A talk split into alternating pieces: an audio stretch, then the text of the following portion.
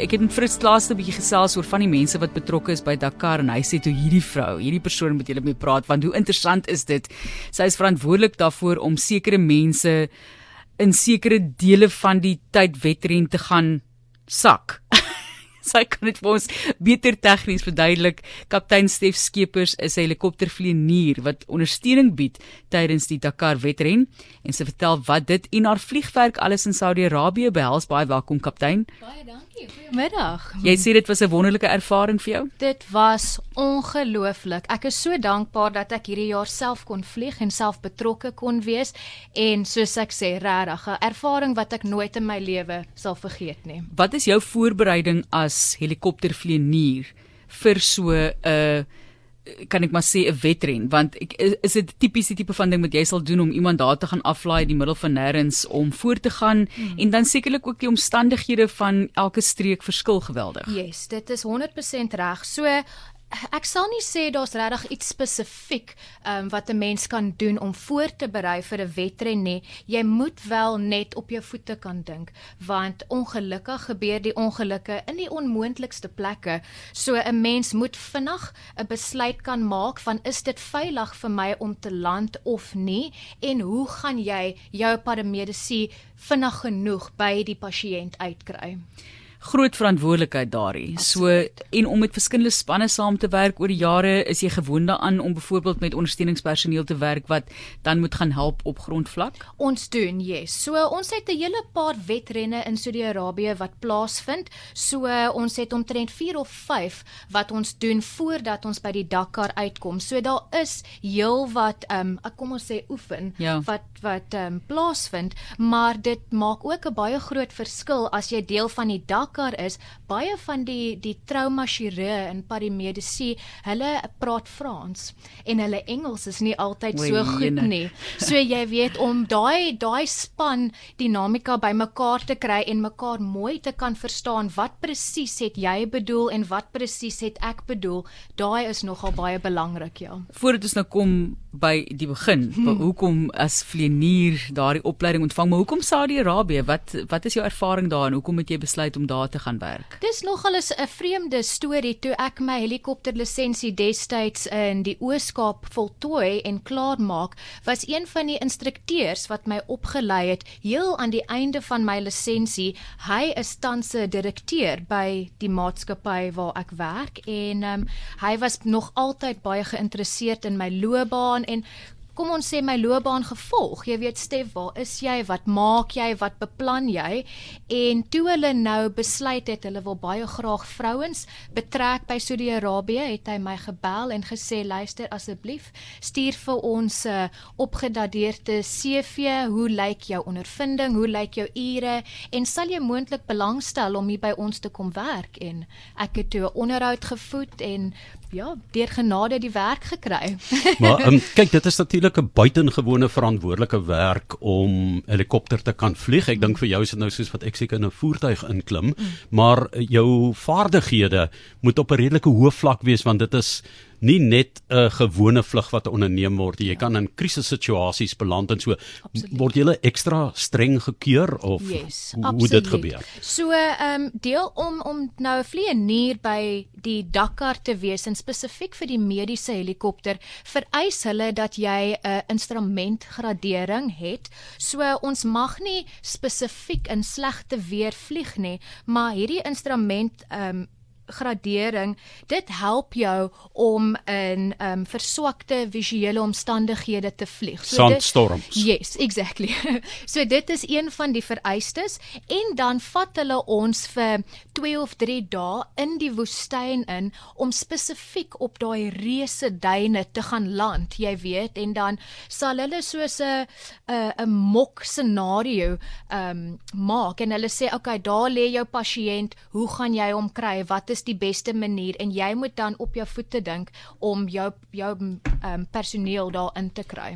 As jy gaan land uh, op daai duine, ek meen dit is geweldig hoeveel sand wat opgejaag word en so kan is daar dele wat jy eintlik nie kan Absoluut, sien wat aangaan nie. Absoluut. Dit is nie 'n geval van jy kies 'n duin en jy dink, "Oké, okay, hierdie een lyk vir my goed, ek gaan op hom gaan land nie." 9 uit die 10 keer moet jy weer omgaan en weer probeer of 'n ander duin soek of vir die ouens sê luister, ek kan feitelik niks sien nie. Ek is baie jammer, maar ons kan nie so naby aan die pasiënt land nie. Nou wanneer so 'n pasiënt nou afgevoer moet word, is daar seker 'n span wat saam met jou werk. Jy het net nou van verwys na die taal en yes. so meer, né? Maar ehm yes. um, die dinamika van die span, wie yes. is nou almal in daai helikopter? Ja, so in die helikopter wat ons gebruik, dit is die Airbus 125 model. So ons is 3 wat altyd aan boord is. Dit is myself die loods en dan het ons 'n trauma chirurg by en dan 'n verpleegster wat wat saam is. En dit is ons 3 wat verantwoordelik is vir daai pasiënt. Ehm um, ons het eintlik 'n geval gehad met hierdie Dakar wat nou verby is waar die pasiënt ongelooflike groot en lang man was. Ek dink hy het naby aan 110 of 120 kg geweeg en jy weet met genade het daar 'n ander helikopter bo oor gevlieg en ons moes hulle afwaai en sê asseblief kom help ons net om hierdie pasiënt te lig want dis net julle 3 wat daai pasiënt dan moet optel en by die helikopter uitkry.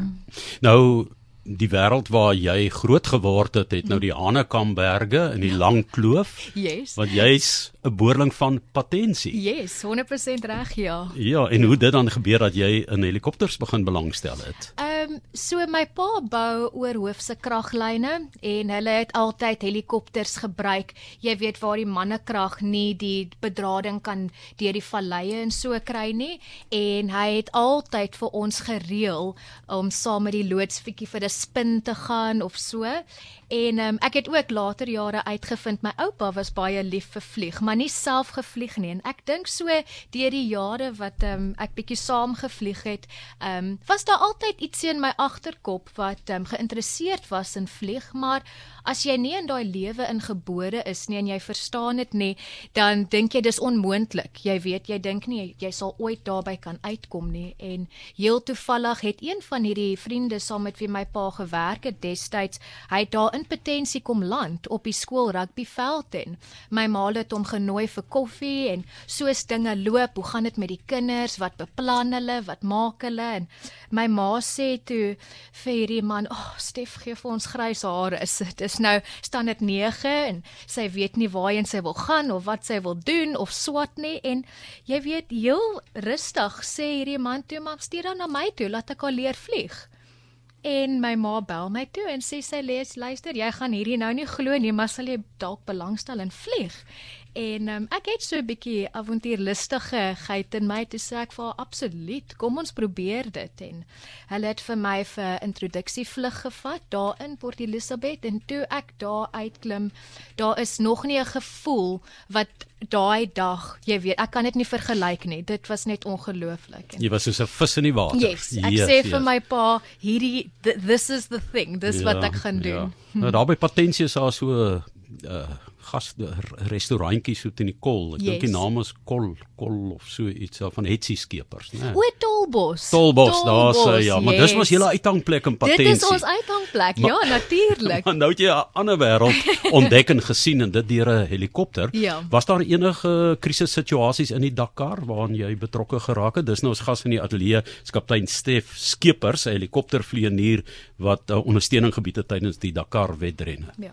So in terme van ongelukke het ek self hierdie jaar 10 pasiënte gaan haal en die die dokter en die ehm um, die span wat saam met my hierdie jaar gevlieg het toe ons halfpad deur die wedren gekom het, het ons reeds dieselfde hoeveelheid ongelukke um, bygewoon as wat hulle in een Dakar laas jaar gedoen het. So hierdie jaar was daar ongelooflike baie ongelukke. Hulle het wel gesê dit was die langste en moeilikste Dakar wat hulle nog aangebied het. Um, en ek dink dit het seker bygedra tot daai ongelukke. Nou enk later gaan Janiel de Villiers kon jy maar bietjie met hulle Afrikaans gesels daar in die woestyn, ja, was dit lekker.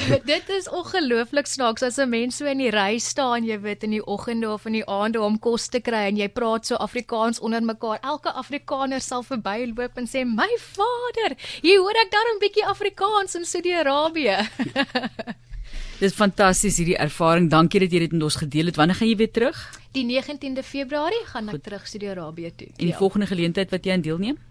Ehm um, ek is nie presies seker nie. Ek um, ons het 'n uh, Daar moontlik die Jeddah Formula 1 as ek hom nie mis het nie. Ek is nie presies seker op die datum nie.